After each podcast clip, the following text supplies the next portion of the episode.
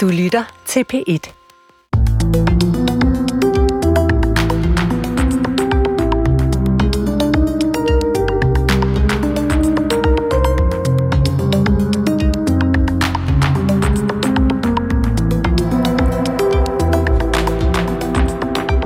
Hvis man følger fregatten Esbern Snares rute gennem de sidste måneder, får man et indblik i, hvordan verdens brandpunkt har flyttet sig. Fra Guinea-bugten ud for Afrika, hvor pirater gør livet usikkert for sømænd, til farvandet ud for Ukraine, hvor Putin gør livet usikkert for befolkningen der og skaber nervøsitet verden over. Forleden dag afmønstrede Esbern Snares feltpræst Andreas Christensen for at tage hjem til Danmark, og nu er du gæst her i Tidshånd. Velkommen til, Andreas. Tak skal du have. Jeg hedder Christoffer Emil Brun. Velkommen til Tidshånd, som i dag handler om, hvordan øh, det er at være udsendt som feltpræst, og som også kommer forbi, hvordan det er at være udsendt som soldat og have med en feltpræst at gøre. Vi skal tale om din rejse, Andreas, om verdens brandpunkter, øh, om at være feltpræst, og om verden efter Ukrainekrigen. Øh, jeg skal lige høre, er der militære forhold, som du ikke kan tale om? Ja, det er der. Ja, klart. Det er der. Ja. Og nu vi taler militære forhold, så bliver endelig siddende, mens jeg lige retter dig. Ja. Øh, jeg har været feltpræst ved husarerne i 18 år, men de sidste 6 år har jeg været overlovspræst, fordi jeg er ah. søværnet nemlig. Klart. Og fællesbetegnelsen er værnspræst. Så. Det skal lige på plads. Øh, det, I militære titlerne jo øh, vigtige. Det så feltpræst, ja. det er, hvis man er på landjorden, så at sige, ja. i hæren, ja. overlovspræst ved søværnet, ja. og det er det, du og har været. flyverpræst ved, ved flyvevåbnet. Okay. Men øh, det har jeg endnu ikke prøvet.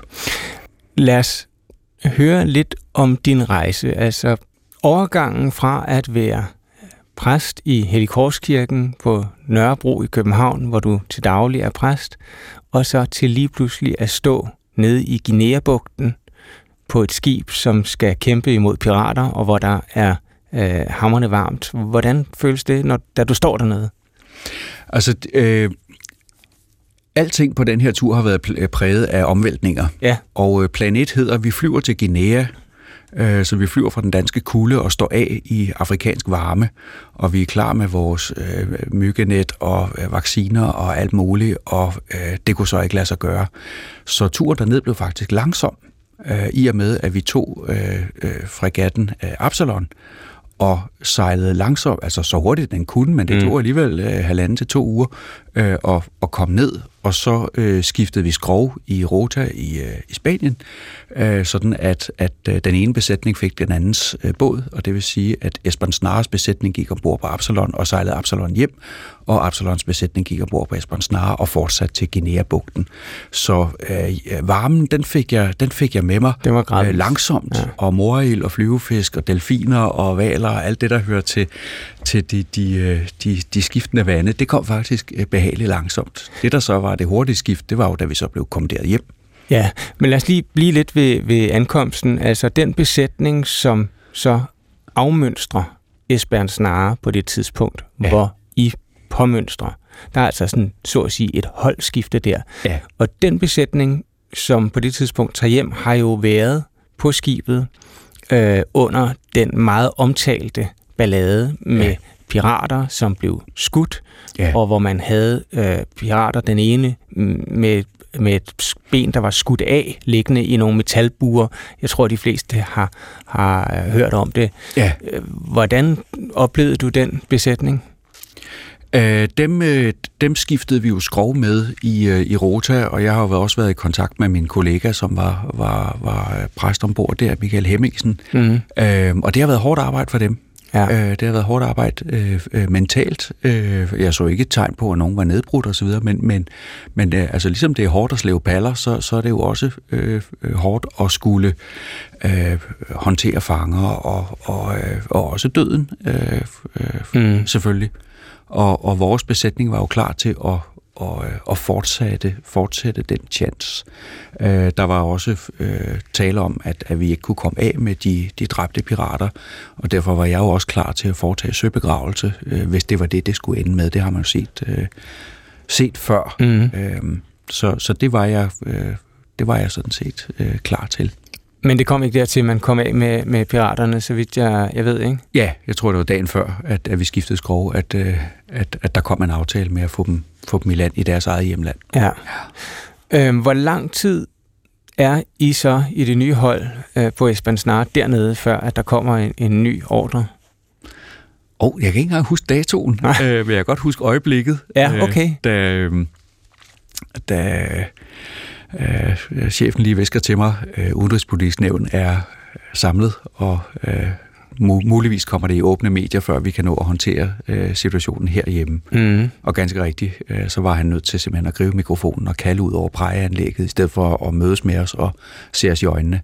Mm. Øhm, men, men det er, vi har ikke nået at patruljere mere end et par uger i hvert fald øh, mm. øh, i afrikansk øh, farvand, før end, end at øh, ordren om, at vi skal hjem, og dermed jo altså også, at en stor del af besætningen øh, reelt er, er opsagt fra, fra den her opgave. For der er en stor del af besætningen, som har speciale i at bekæmpe pirater og så videre, og det er klart, de kan måske ikke lige bruges til den nye opgave, som er oppe ved Baltikum. Nej, nej. den faste besætning er, er beregnet på den type opgave, der så ventede os øh, med et sekund varsel. Mm. Øh, men st- hele, hele det, vi kalder øh, delbidraget, øh, de, var, de var så øh, de skulle så overgå til anden opgave, som det hedder.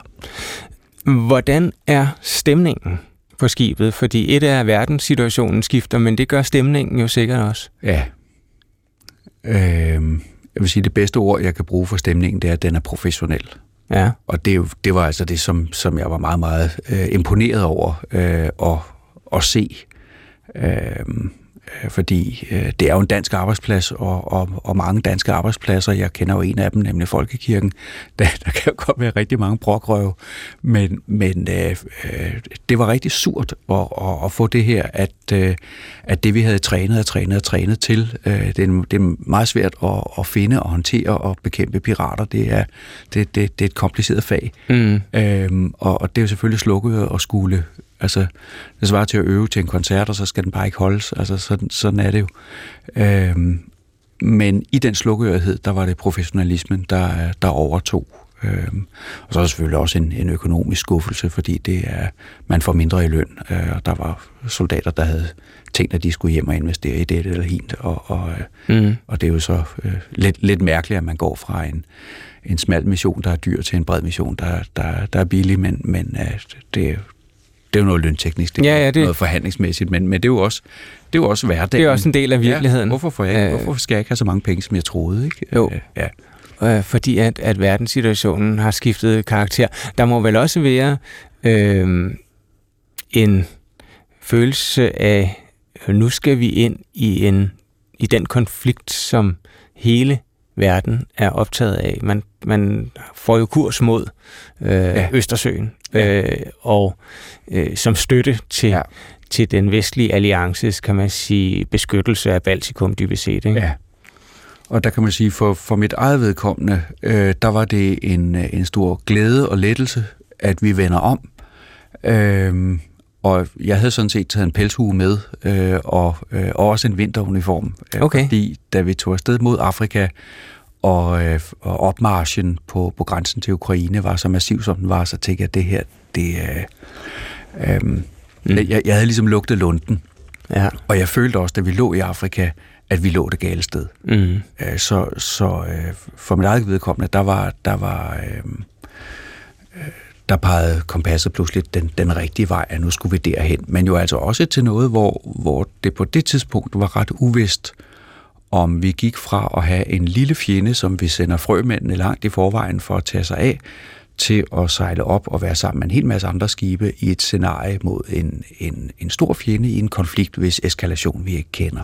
Klart. Det, ja. Nu ved vi jo lidt mere, øh, selvom at krigen stadigvæk er i gang og meget uforudsigelig, men altså ja. på det tidspunkt øh, har det vel været øh, et form for scenario, at I ville kunne øh, ende i en eller anden form for, for egentlig krig, øh, søkrig. Ja, og ikke, ikke og, og helt uvist øh, hvilken. Ja. Altså alt fra at, at øh, øh, vores systemer på land bliver angrebet på en eller anden måde, til at, at der decideret går hul i skrovet. Ikke? Mm. Øhm, men altså en, en, en væbnet konflikt var jo alligevel... Øh, ikke, det, det var svært at forestille sig, at vi pludselig skulle blive beskudt af, en, af et russisk krigsskib eller ja. russiske fly, men, men det var mere, mere uvidsheden også, hvor, hvor stor bliver konflikten på land, hvor meget vil vores, øh, vores kære derhjemme blive påvirket af en konflikt på land. Mm. Og det er jo... Øh, øh, men men det, det, det tegnede der sig jo ret hurtigt et, øh, et billede af, øh, efterhånden som, som øh, øh Ukrainekrigen nu har, har to måneder på banen. Mm. Og dog må vi sige, at stadig er meget øh, ikke helt til at forudse. Det kan vi måske vende tilbage til, ja. hvordan at, øh, at den krig, så at sige, udspiller sig. Men i forhold til skibet Esbern Snare, besætningen og dig som feltpræst, har besætningen brug for øh, feltpræsten i, på det tidspunkt? ja, altså vi, vi taler jo altid os selv op, ikke? øh, jeg kunne, øh, øh, altså alle, alle har jo altid brug for en præst. Ja. Øh, og, og øh, det gælder jo også, hvis jeg er ombord på et civilskib, altså det kunne være et krydstogtskib eller et eller andet, det har jeg ikke prøvet nu, men, men, men i det, jeg siger, at jeg er præst, så, så starter der jo altid en samtale, og den bliver meget hurtigt dyb, ja. og den kan også meget hurtigt blive lang. Øhm, og det er jeg øh, selvfølgelig, har jeg været indstillet på, siden jeg ønskede at blive præst som ganske lille, at det, at det er sådan, det er. Øhm, og jeg tror, hvis du sender et spørgeskema ud, hvor tit bruger du præsten, så, så vil vi ligge lavt. Hvis du spørger præsterne, hvor tit bruger soldaterne der, så vil vi sige, at det ligger højt. Ja, det er og meget det, interessant. Og det er nok fordi, at, at mange af de samtaler, vi har, egentlig starter som naturlige samtaler. Øh, at, at, øh, at en soldat siger, ja, det, er jo, det går fint nok, og, og så efterhånden, så når man ned i, i, nogle, i nogle lag, hvor der faktisk er noget, der skal, der skal lettes, og noget, der skal, der skal tales, og, øh, og ja. så videre. Det er sådan en... Og jeg ser det som en, en, en lille skabelse hver gang, øh, at, at det lykkes en, en, en soldat at finde vej i sin egen fortælling. Ja, for det er vel ikke fordi, at soldater er mere religiøse end alle mulige andre, måske tværtimod? Ej, det er svært at måle, men, ja. men, øh, men øh, der, der er... Øh, Øh, det er som om, øh, jeg tror det var Jan Lindhardt, der, der brugte skrabeløjets øh, metaforen, ikke? At sige danskernes religiøse, religiøsitet er som skrabeløjet. Du skal bare lige kratte lidt med mønten, så er, så er cifrene nedenunder. Ja. Øh, og, og, og, det synes jeg også, jeg oplever ude i, i, i felten. Øh, altså navnet tilbage i Irak, hvor der var en, en, en, en soldat, der midt i samtalen siger med, du ved godt, jeg er ikke så skide meget til Gud af det der, men det er sgu meget fedt at snakke med en, der ligesom er på det store net. og, og det er jo en, det er jo en måde for en form for stedfortrædende religiøsitet, ikke? Jo. Ja. Øhm, ja, netop et, et, et net, kan man sige, som jo er en, et udtryk for at være forbundet ja. med noget større. Øhm, og det er klart, at man ligger... Sammenligne det med internettet, ikke? Altså, jeg, jo. jeg er koblet på, på, på det helt store net, altså at, at uh, skæbne nettet, ikke? Det, det er det modsatte af darknet. Ja. øhm, hvilke typer samtaler havde, har du så haft her? Altså, jeg er godt klar at du ikke kan referere sådan præcis, men, men hvilke typer samtaler havde du på, på Esbern Snare her de sidste par måneder? Vi skal lige sige, du, du er simpelthen afmønstret for to-tre to, dage siden. Ja, det er, så det er frisk erindring? Det er meget frisk, øh, meget frisk erindring, og, øh, og, øh, og jeg har jo tavshedspligt, så ja, jeg kan jo kun, nemlig. kan jo kun sige generelt, lad os nu sige, nu tager jeg, nu tager jeg øh, alle mine øh, udsættelser, også øh, de, øh, de, de opfølgende samtaler, jeg har, altså hvor, hvor kontakten er blevet, blevet bevaret. Ikke? Jo. Øhm, og, og det er øh, det gælder øh, alle, alle typer samtaler. Altså den, hvor en, en, øh, en officer siger, at en menig trænger til en samtale, eller en, en soldat, en officer, en befalingsmand kommer og siger, jeg har simpelthen brug for at snakke med dig. Øh, det minder jo sådan lidt om, om, øh, om øh, konsultation, ikke? hvor hvor øh, i starten boede jeg sammen med, med lægen på, på fælles af, hvor vi sov i hver sin køje, og der måtte jeg nogle gange tage ham i kraven og smide ham ud og sige, Dok, du skal lige ud, fordi jeg skal bruge rummet til samtale. Mm. Øhm, og det er jo sådan, det er jo en samtale, der er mere øh, har konsultationspræg. Øhm, og så er der den, der, der hedder, øh, øh skal vi gå en tur, øh, hvis et eller andet havneophold, ikke? Eller, øh, mm. eller øh, der opstår en snak, som ligesom har sådan en prik, prik, prik øh, øh, funktion, at øh, det, det er godt at stå og kigge ud over vandet en gang imellem, fordi så, så opstår der en snak med dem, der lige har, har tid, eller det er godt at vågne klokken halv fire om morgenen, tulle rundt med sin kaffekop, øh, der, hvor, der hvor folkene er. Mm. Øhm, og så er der øh, så er der jo samtalens øh, indhold, og den er jo meget forskellig. Øh, den kan være øh, den kan være religiøs, altså af, affødt af at jeg er præst. Mm. Øh, og så øh, kommer minderne om mødet med religionen og præsten, og det kan være et godt møde eller et dårligt møde. Jeg elskede andagterne til FDF, eller jeg havde den, den indeklemte religiøsitet i det og det øh, forum. Mm. Eller, øh, også en samtale, der starter med for eksempel, at der bliver skældt ud på kristendommen, eller en foragt for kristendommen, en foragt for religion i det hele taget. Øh, jeg tror kun på elektricitet og alt, hvad der kan måles. Eller, mm. øh, der er mange teknikere ombord, og det er jo... Øh, det er jo ja, øh, klart. Ingeniører og så videre. Ingeniører og sådan noget. Det er jo, det er jo faktisk et, et, et, et, øh, et næsten 100% naturvidenskabeligt øh, fællesskab at være i. Ja. Det er jo altså også utrolig, utrolig spændende på et, på et livstolkningsområde. Ja, det er jo interessant, du siger det, altså, og på den måde stiller det som et møde med, med en sådan 100% sekulær ja. øh, organisation, ja. hæren, det er klart. Vi har ikke lyst til at have, en, have hellige kriger i forsvaret, Nej. Men, øh, men jo så simpelthen formelt forbundet med kirken i og med, at der er fast tilknyttet ja. feltpræst eller overlovspræst. Ja, og der er det jo, der er det jo en balancegang. Altså man kan sige, mit, mit, min opgave er jo, at, at jeg skal facilitere den religion, øh, eller kunne sige, celebrere den religion, jeg selv tilhører, man skal også facilitere de andre, hvis der er nogle andre, øh, som har brug for, for at gode rammer til en anden religion. Ja. Og så skal jeg bare være der for alle. Øh, og det ene må ikke skygge for det andet. Altså hvis der er en, som, som trænger til en at snakke med, så må det ikke skygge, at, at, øh, at øh, jeg er repræsentant for et bestemt øh, øh, trosamfund. Så der skal jeg være åben til at... Og selvfølgelig, hvis, hvis, hvis vedkommende siger, at det, det, det bliver altså på, på folkekirkelige præmisser, jamen så er det klart, så, øh, så er samtalen jo ikke bare den lille skabelse, så er det jo også den lille øh, nyskabelse mm. også, ikke? For der er ikke nogen psykolog med for det tur? Nej, de lander øh, ved, ved turens slutning, eller hvis der er særlig hændelse, som det er så pænt Klart. Hedder. Altså hvis der er en anden ja, øh, form for traume, der skal sådan psykolog behandles ja. umiddelbart. Ja. Men det er jo meget interessant, at man, altså som jeg hører dig, er præstens rolle, øh, din rolle, jo også en form for psykologrolle faktisk. Ja, når, som men jo altså ikke krisepsykolog på den måde, Nej. øh, fordi at, at øh, man i værnspræstetjenesten har øh, lagt vægt på kontinuiteten, at, at vi er der hele tiden.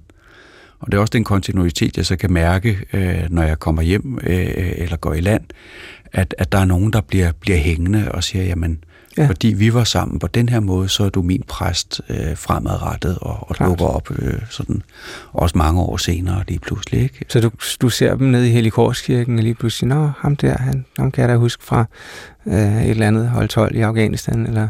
Ja, der er nogen, der tror, at militære mennesker de er helt anderledes end, end, end civile, men man kan jo ikke se, når man kigger ud over en menighed, hvor mange der faktisk er, øh, mm-hmm. øh, er militære. Det er, jo, det er jo ikke sådan, de går rundt som obersthakler med, med og taler højt og staccatoagtigt. Og... Hvor mange af de samtaler, du har, nu taler vi igen det brede, du har både været øh, udsendt som feltpræst på øh, landjorden, og så nu her senest øh, som rådspræst på Espansnar. Hvor mange af samtalerne handler om egentlige krigssituationer, altså hvor man kan sige, øh, som udsendt kan have et behov for at tale om de store ting, djævel og Gud og ondskab og godhed og hvad vil det sige at skyde et andet menneske, eller hvad ved jeg. Og hvor mange handler om mere almindelige ting, hvis man kan sige det, det savn af familie, øh, sådan noget lignende.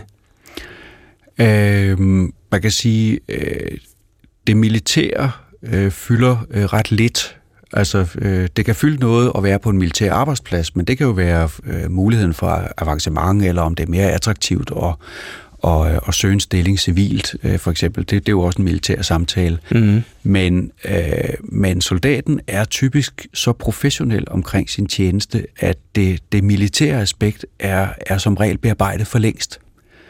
Øhm, og, og når du spørger øhm, for eksempel det at skulle skyde et andet menneske, øh, så hører jeg det som om, at det er negativt at skyde et andet menneske. Mm. Øh, men i en militær kontekst er det jo positivt, øh, i og med, at hvis du har opgaven, så er øh, opgaven jo ikke at, øh, at dræbe et andet menneske, men opgaven er, at, at en modstander har et, et forhævende, som det er øh, opgaven at hæmme. Og det vil sige, at jeg kan jo tale med en soldat, der er glad, fordi øh, hvis man er blevet bedt om at beskytte en ambulancekonvoj, som skal igennem et givet område uden at blive angrebet, og der så sker et angreb, og dette angreb mislykkes, jamen så, er, så har man jo positivt beskyttet en ambulancekonvoj. Mm. Øh, og det siger man så, men jeg har brugt mit våben, og jeg kunne konstatere, at målet gik ned. Øhm, og at målet går ned, kan jo enten betyde, at øh, den silhuet, jeg så over bakkekampen, er løbet hjem. Øh, det kan også betyde, at vedkommende er såret. Det kan også betyde, at vedkommende er død. Mm. Og i nogle tilfælde ved man det ene eller det andet. Men øh, generelt er det øh, positivt at have lykkedes med sin opgave. Fordi hvis, hvis øh, målet ikke var gået ned, så var ambulancekonvojen blevet angrebet, og så, øh, så, så ville det gøre rigtig, rigtig ondt. Så, så øh, kan man sige, øh, mm. ulykken ved at skulle være drabsmand er, øh, ser jeg ikke øh, som et generelt militært problem. Det kan selvfølgelig opsøge en på et andet tidspunkt, eller, men det, det vil ofte være noget, man bearbejder, når man er på vej ind i, øh, i, i militærtjenesten. Men, men det, der er, det, der jo gør langt mere ondt, det er jo øh, frygten for at svigte. Altså tænk, hvis jeg ikke lykkes med min opgave. Øh, og det men det tror jeg øh, gælder alle erhverv, at man er bange for at falde igennem. Ja, det er vel nærmest et menneskeligt vilkår. Ja. Øhm, men jeg kunne forestille mig nu, når du siger det her, målet går ned.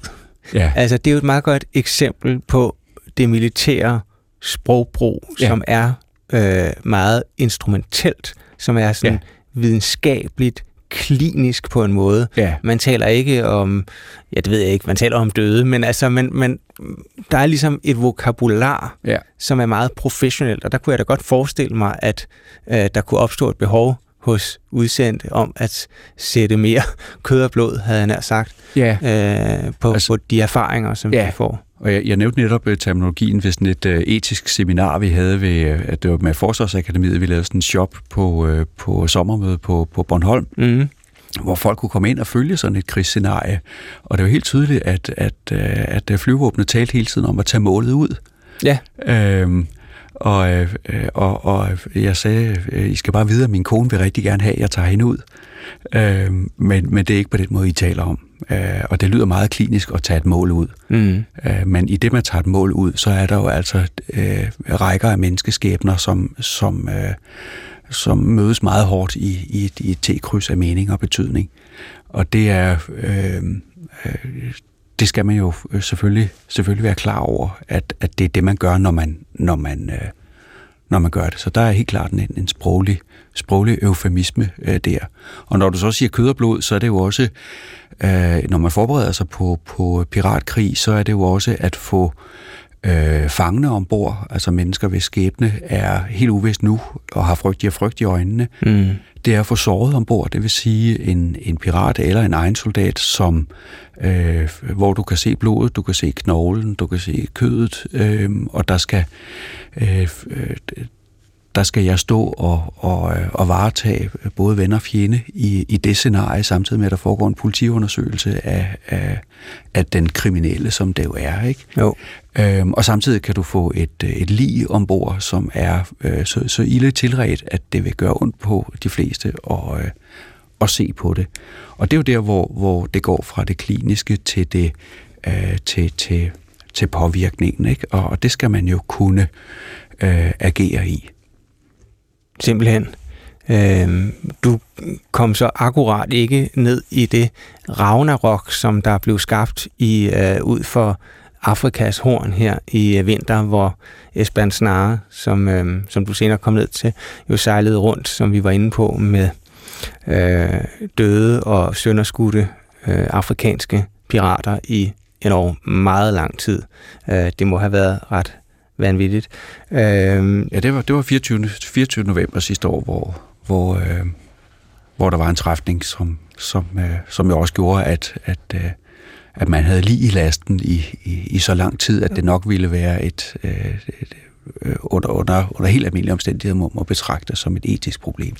Ja, der kan man sige, at, at udtrykket lige i lasten fik ja. et meget konkret øh, udtryk. Ja. Andreas Christensen, det er en fornøjelse at have dig i studiet, overlovspræst fra Esbjerg Snare, netop afmønstret, og nu i studiet her i Tidsånd. Vi øh, fortsætter samtalen øh, om lidt, men øh, nu har vi hørt om, hvordan øh, feltpræsten eller overlovspræsten her i dit tilfælde ser på sådan en militær situation. Jeg synes, vi skulle lytte til en, der har været udsendt, altså en tidligere soldat. Lav hedder han som her. Jamen, det hele handler om. Men Lav her er en af de udsendte, der har haft en stærk relation til sin feltpræst i sin tid.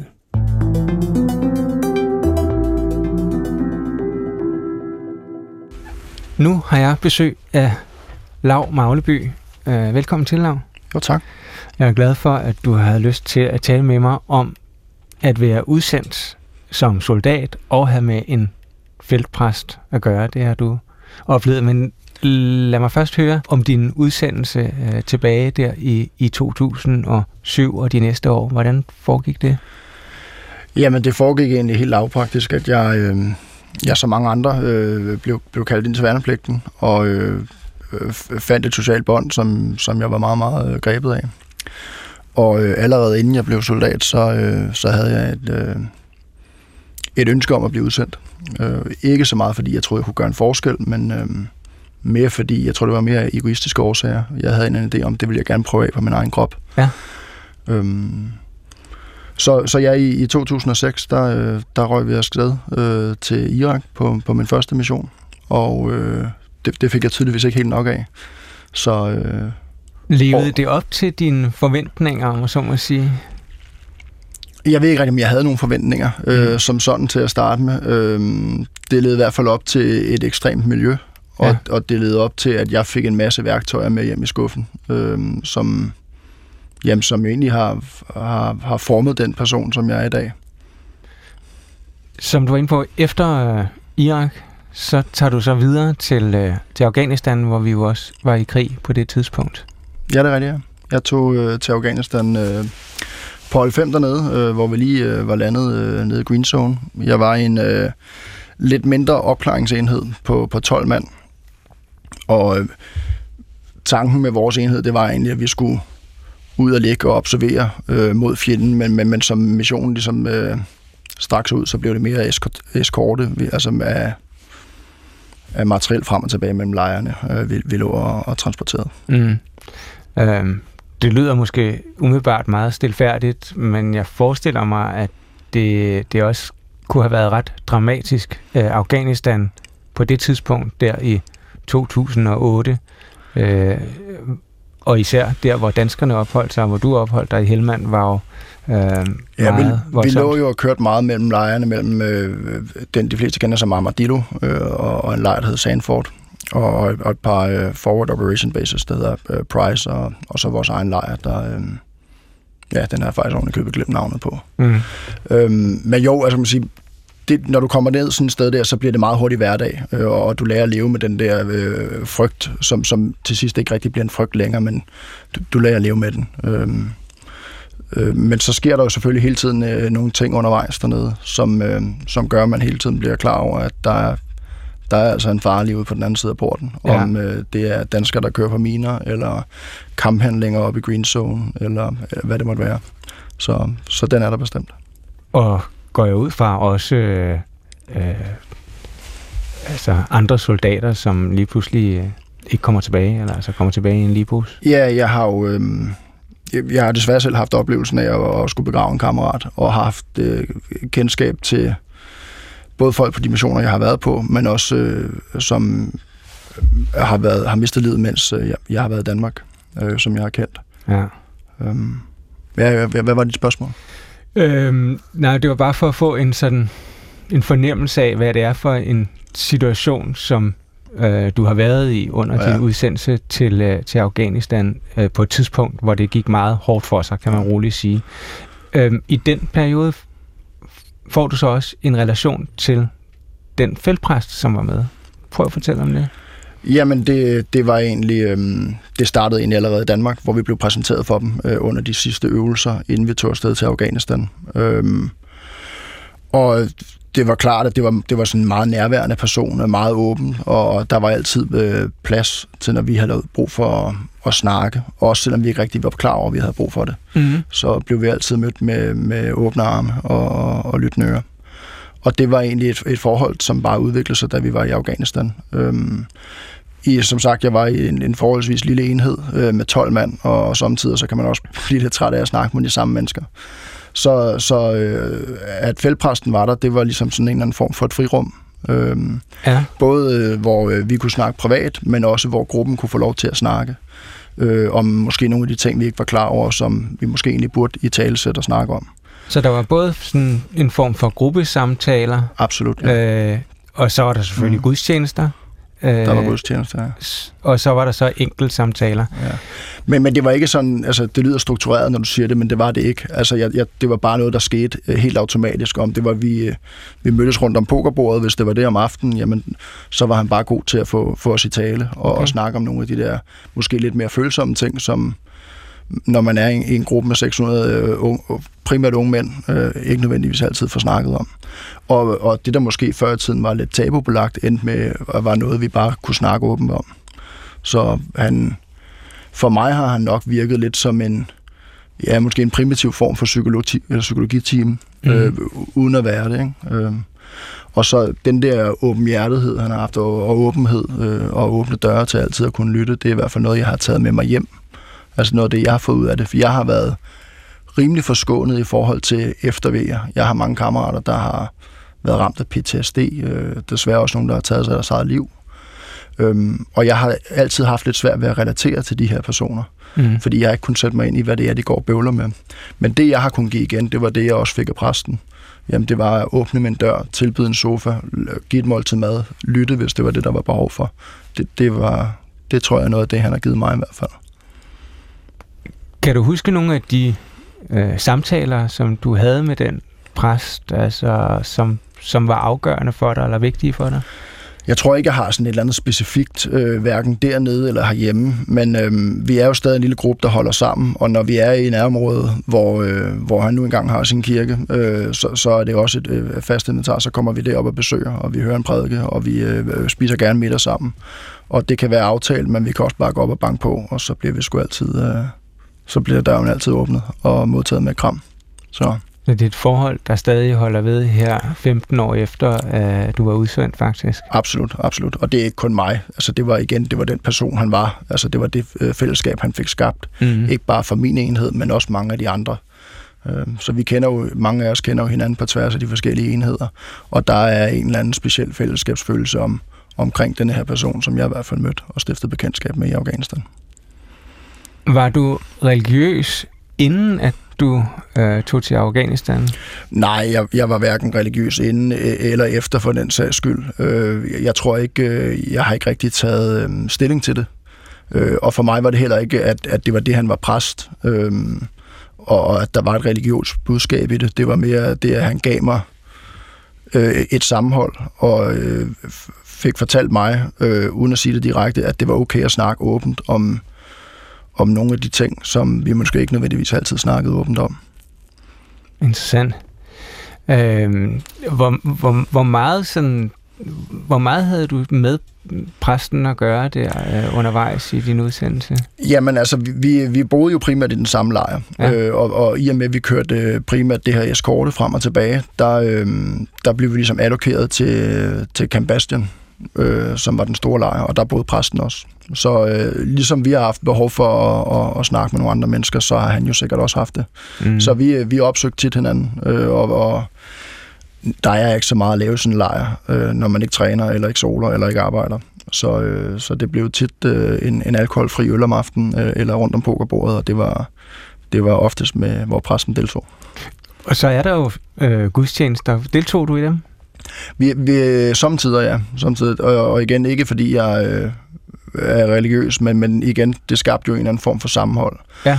Og jeg kan især huske, inden vi skulle på operationer, der havde en, en tendens til at lige samle folk og give en lille prædiken og velsigne os, inden vi gik ud af porten, eller inden vi kørte ud af lejren. Og, og det var sådan en, en sidste lille opfrisker, øh, om at nu, nu kører vi altså ud, hvor det er alvor, og nu skal vi passe på hinanden.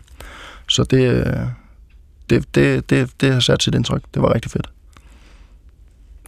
Det er interessant at høre, at det har gjort øh, et indtryk, og som jeg hører, der også været øh, en hjælp, samtidig med, at, at det ikke har sådan, haft sådan, nogen særlig sådan, religiøs egentlig øh, umiddelbart religiøs betydning. Det har det måske alligevel på sin egen måde.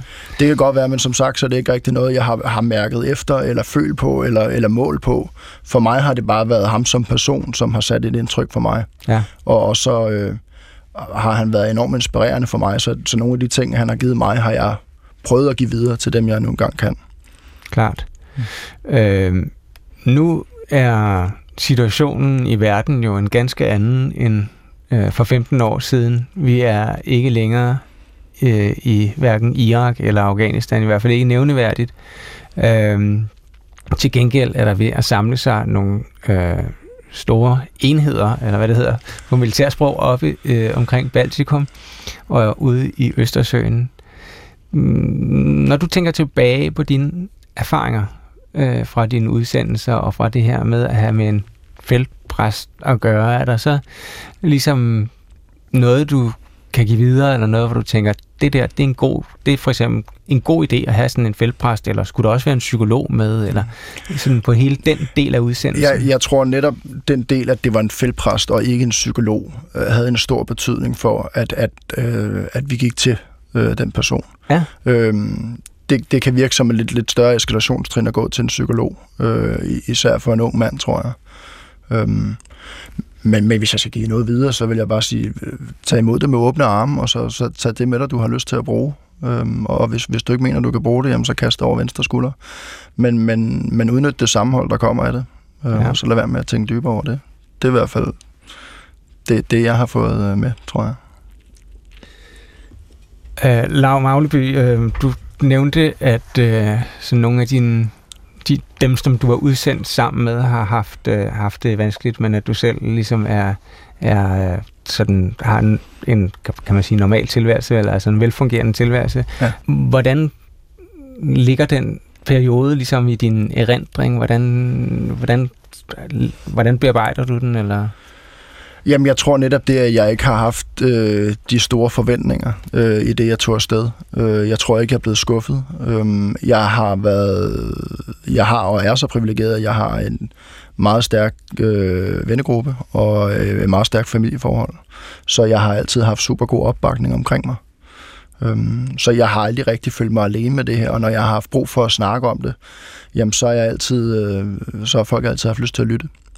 Så, så det tror jeg, at, at, jeg har fået lov til at snakke om de ting, jeg vil snakke om, når jeg havde lyst til det, mm. har været min måde at bearbejde det på. Og så har der også været en accept af, at når jeg ikke havde lyst til at snakke om det, jamen så skulle vi ikke snakke om det. Tusind tak for at uh, fortælle om, hvad du har fået ud af at have med en feltpræst at gøre. Det var så lidt. Vi er tilbage her i studiet. Andreas Christensen, overlovspræst på Esbjerg Snare, netop afmønstret og hjemvendt til Danmark. Du er stadig med. Øh, du har jo også været udsendt som feltpræst i Afghanistan og i øh, Irak. Nu har du så ligget øh, på en fregat i Østersøen ud for Baltikum. Er der forskel, eller hvad er forskellen på de ophold? Øhm, det, det er to meget forskellige arbejdspladser. Mm. Øh, der er selvfølgelig på et meget overordnet plan den, den militære virkelighed. Øhm, øhm, hvis en søkrig bliver intens, så er den meget intens. Øh, en, en landkrig, der kan man faktisk godt ligge i en, i en periferi, og, og, og konfrontationen sker i, en, øh, i et andet afsnit. Øh, der er også, øh, altså helt konkret, så er der støvet i en ørken. Øh, Klart. Øh, der, der er saltvand noget et helt andet, øh, et helt andet øh, medie. Så er vi meget tætte, og man kan ikke lige øh, køre over i en amerikansk lejr eller en kanadisk lejr og møde nogle andre og spise noget andet. Mm. Øhm, for min eget vedkommende er der også den personlige bevæbning. Øh, en dansk feltpræst skal kunne øh, forsvare sig selv. Øh, og det gør, at, at der er våbentræning og våbenvedligehold. Øh, det sidste synes jeg er rigtig bøvlet. Det skal skilles ad og renses og smøres ja. og sådan noget. Men øh, det slipper jeg for ombord. Øh, der, der er jeg ikke, der er ikke nogen egen, egen bevæbning der. Der er nogle, nogle, nogle store kanoner omkring mig, men ikke noget også så stort, så når den går af, så slukker min computer for eksempel. Altså, mm. Altså, det, jeg boede simpelthen for tæt på den største kanon, så når, det, når de skød med den, så gik min så gik computeren, computer ud. Så, så var der ikke mere film den dag. Nej, men, men altså, øh, så det er to, det er to øh, ret, ret, øh, ret forskellige miljøer, men, men på det overordnede plan øh, øh, mange af de samme ting.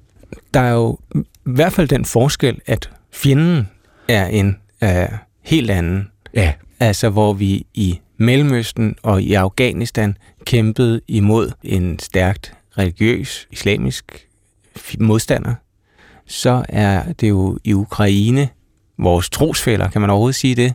Øh, I hvert fald andre godt. kristne. Ja. ja, det kan man godt. Altså, vi har jo også danske teologer, der, der har sagt, at vi bør ikke, altså inden krigen i hvert fald, øh, øh, der har vi fra det danske kirkelige miljø jo også stemmer, der siger, husk nu, Putin er en, en kristen, og vi kunne godt, øh, vi godt alliere os med ham mm. øh, imod øh, det, der ikke er kristent. Øh, hvor der nu står en, en, en, anden, øh, en anden konflikt, som jo er utrolig spændende, som jo også, jeg synes, dit forrige program øh, var, var, var rigtig flot omkring.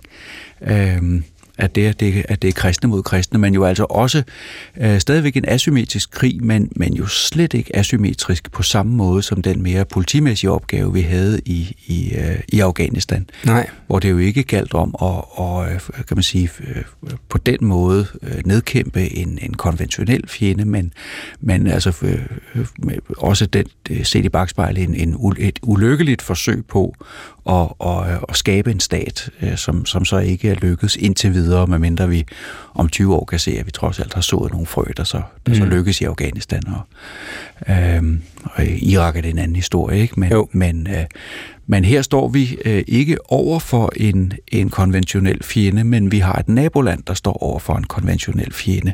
Og det vil sige, at vi iagtager øh, denne øh, for Ukraines vedkommende fjendes og for vores øh, vedkommendes øh, konkurrent eller modstanders øh, øh, kampevne på et konventionelt plan. Mm. Øhm, og det er i bedste fald interessant. Hvordan giver den forskel på fjendetype sig udslag øh, blandt de udsendte, som du har med at gøre som, øh, som præst?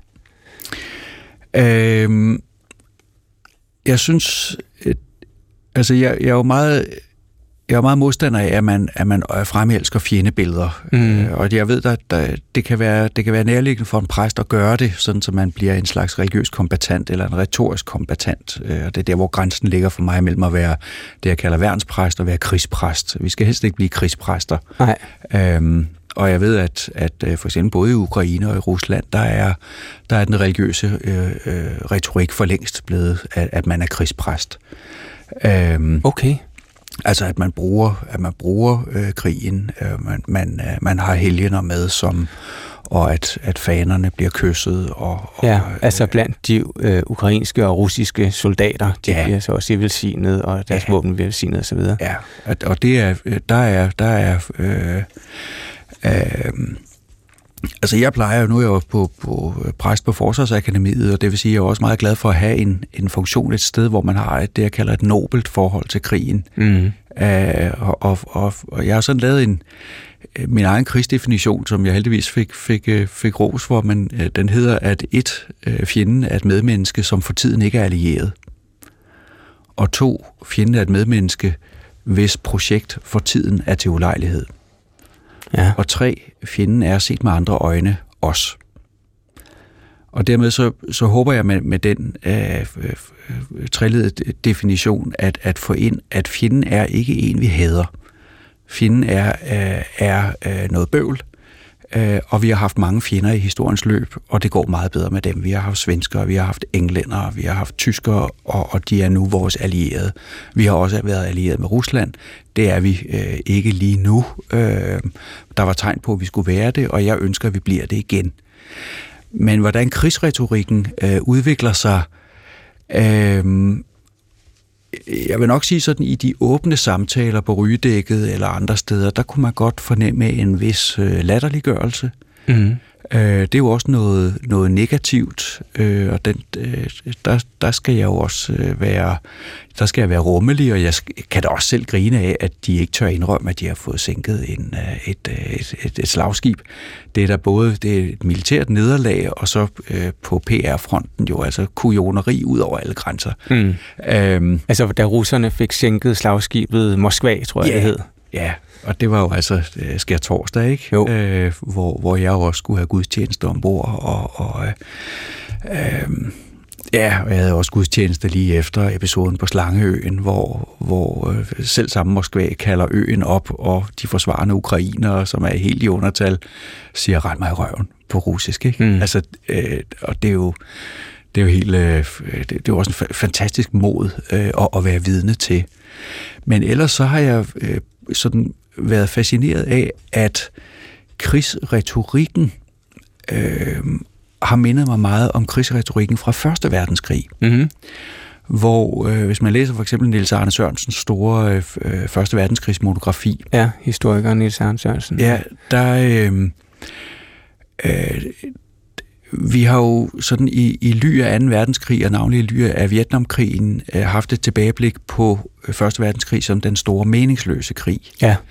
Og når vi læser øh, det kæmpe store materiale af breve, og det er helt uoverskueligt, altså jeg tror, at tyskerne håndterede 6 millioner breve om dagen, så vi kan jo ikke, kan ikke komme til bund til det kildemateriale. Men, Nej. men for mange af dem, der deltog, var krigen meningsfuld. Og den har været meningsfuld ud fra nogle energier, som også er til stede i den nuværende øh, konflikt imellem det demokratiske og det autokratiske. Ja. Øhm, og at for eksempel det, at man øh, isolerer oligarker, det er jo et meget tydeligt tegn på øh, en foragt for den måde, det russiske demokrati ikke har udviklet sig på. Ja. At en oligark, det er en, en, en ulovlig magthaver, det er en skæv magthaver, en illegitim magthaver, og nu går vi så ind med demokratiet og siger, vi ved godt, I ikke er legitime magthavere. Øhm, og det, det er lidt en, en diskurs, som man kan følge i øh, for eksempel en, en, en britisk soldats øh, øh, tanker om, om det ikke-demokratiske tyske kejserige, øh, eller mm. altså at man, at man øh, fjerner legitimiteten hos sin hos sin fjende ved at portrættere deres, øh, deres magtstruktur. Ikke? Og så bliver Putin en, en ond æderkop i spindet, omgivet af, af lakajer, som, som øh, frygter ham mere, end de elsker ham, og, og, og hele den øh, fortælling. Og måske sideløbende øh, oparbejder en, kan man sige, en meget tæt, en meget tæt sammenhold, og måske også, hvis vi øh, ser på Første Verdenskrig, en form for næsten krigslyst.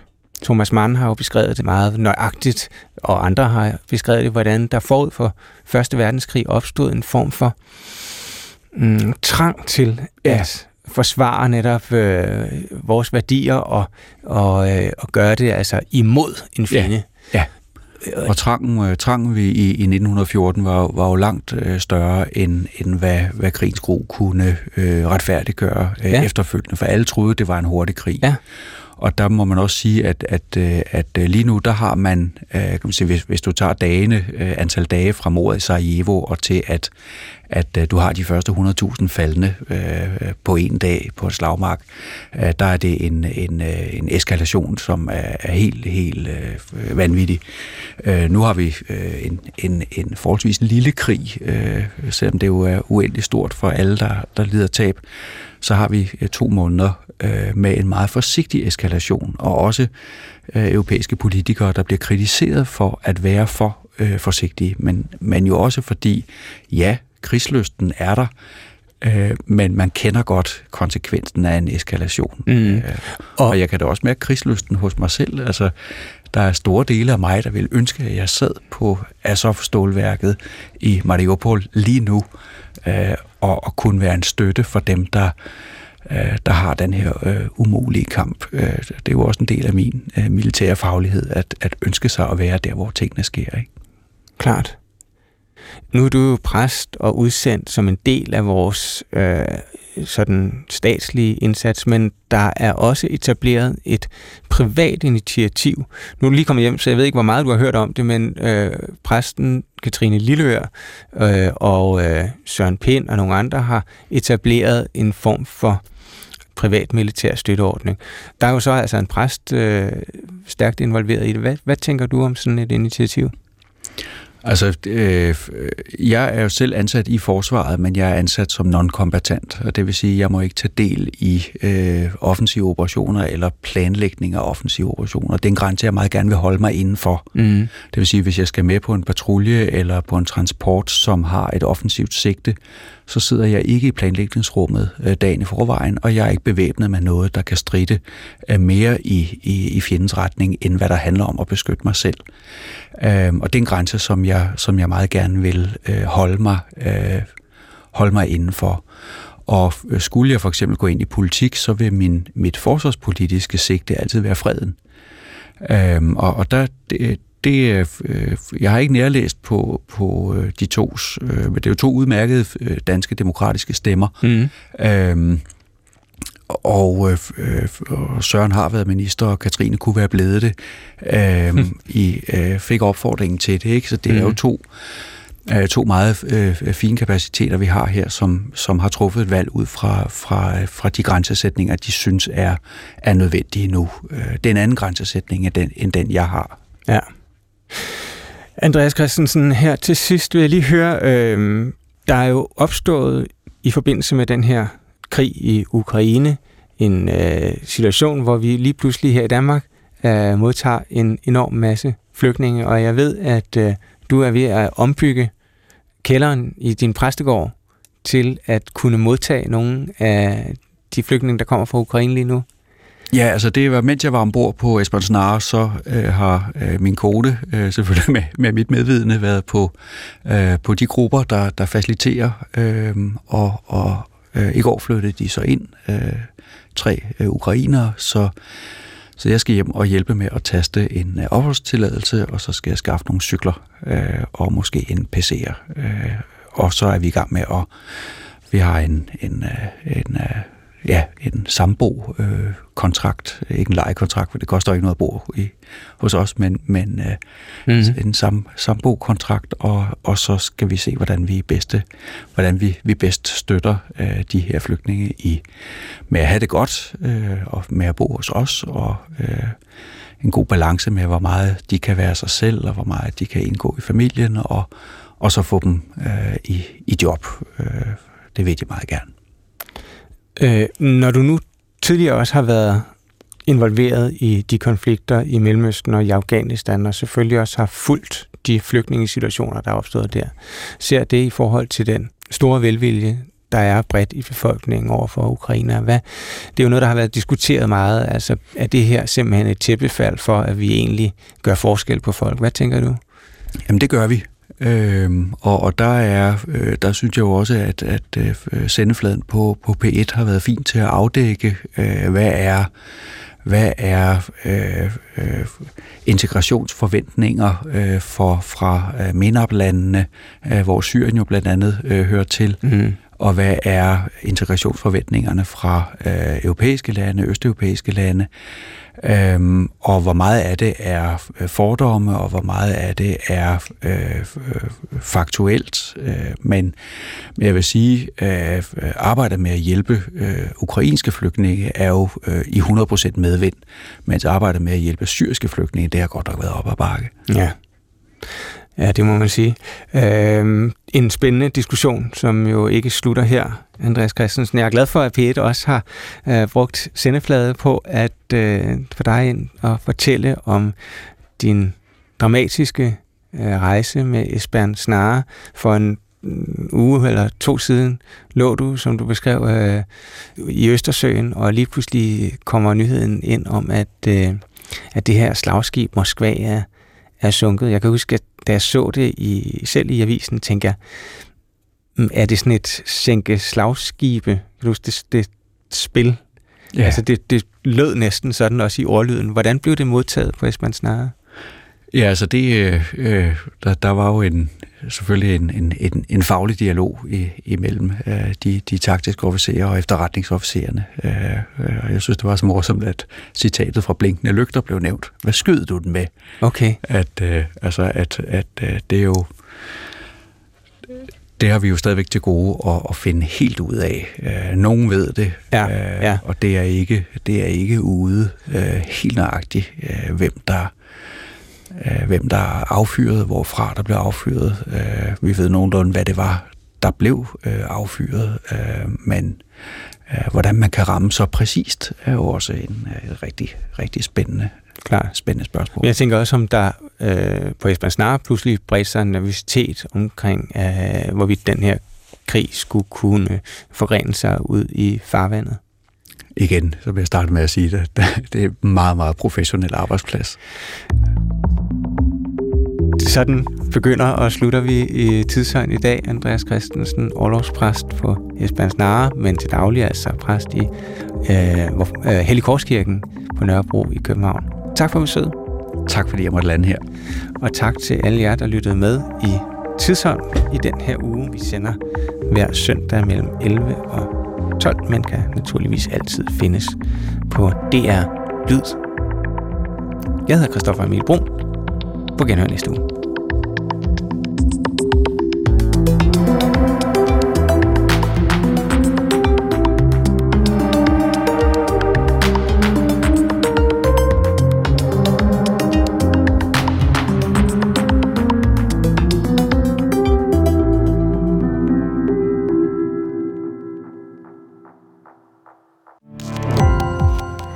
På opdagelse i alle DR's podcast og radioprogrammer. I appen DR Lyd.